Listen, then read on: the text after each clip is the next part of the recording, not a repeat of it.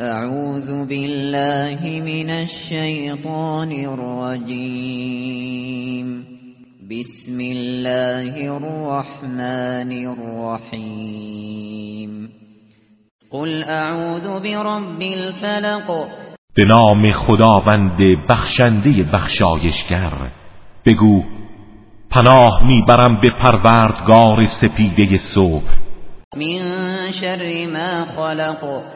از شر تمام آنچه آفریده است. و من شر غاسق اذا وقب. و از شر هر موجود شرور هنگامی که شبانه وارد می شود. و من شر النفاثات فی العقد. و از شر آنها که با افسون در گره ها می دمند.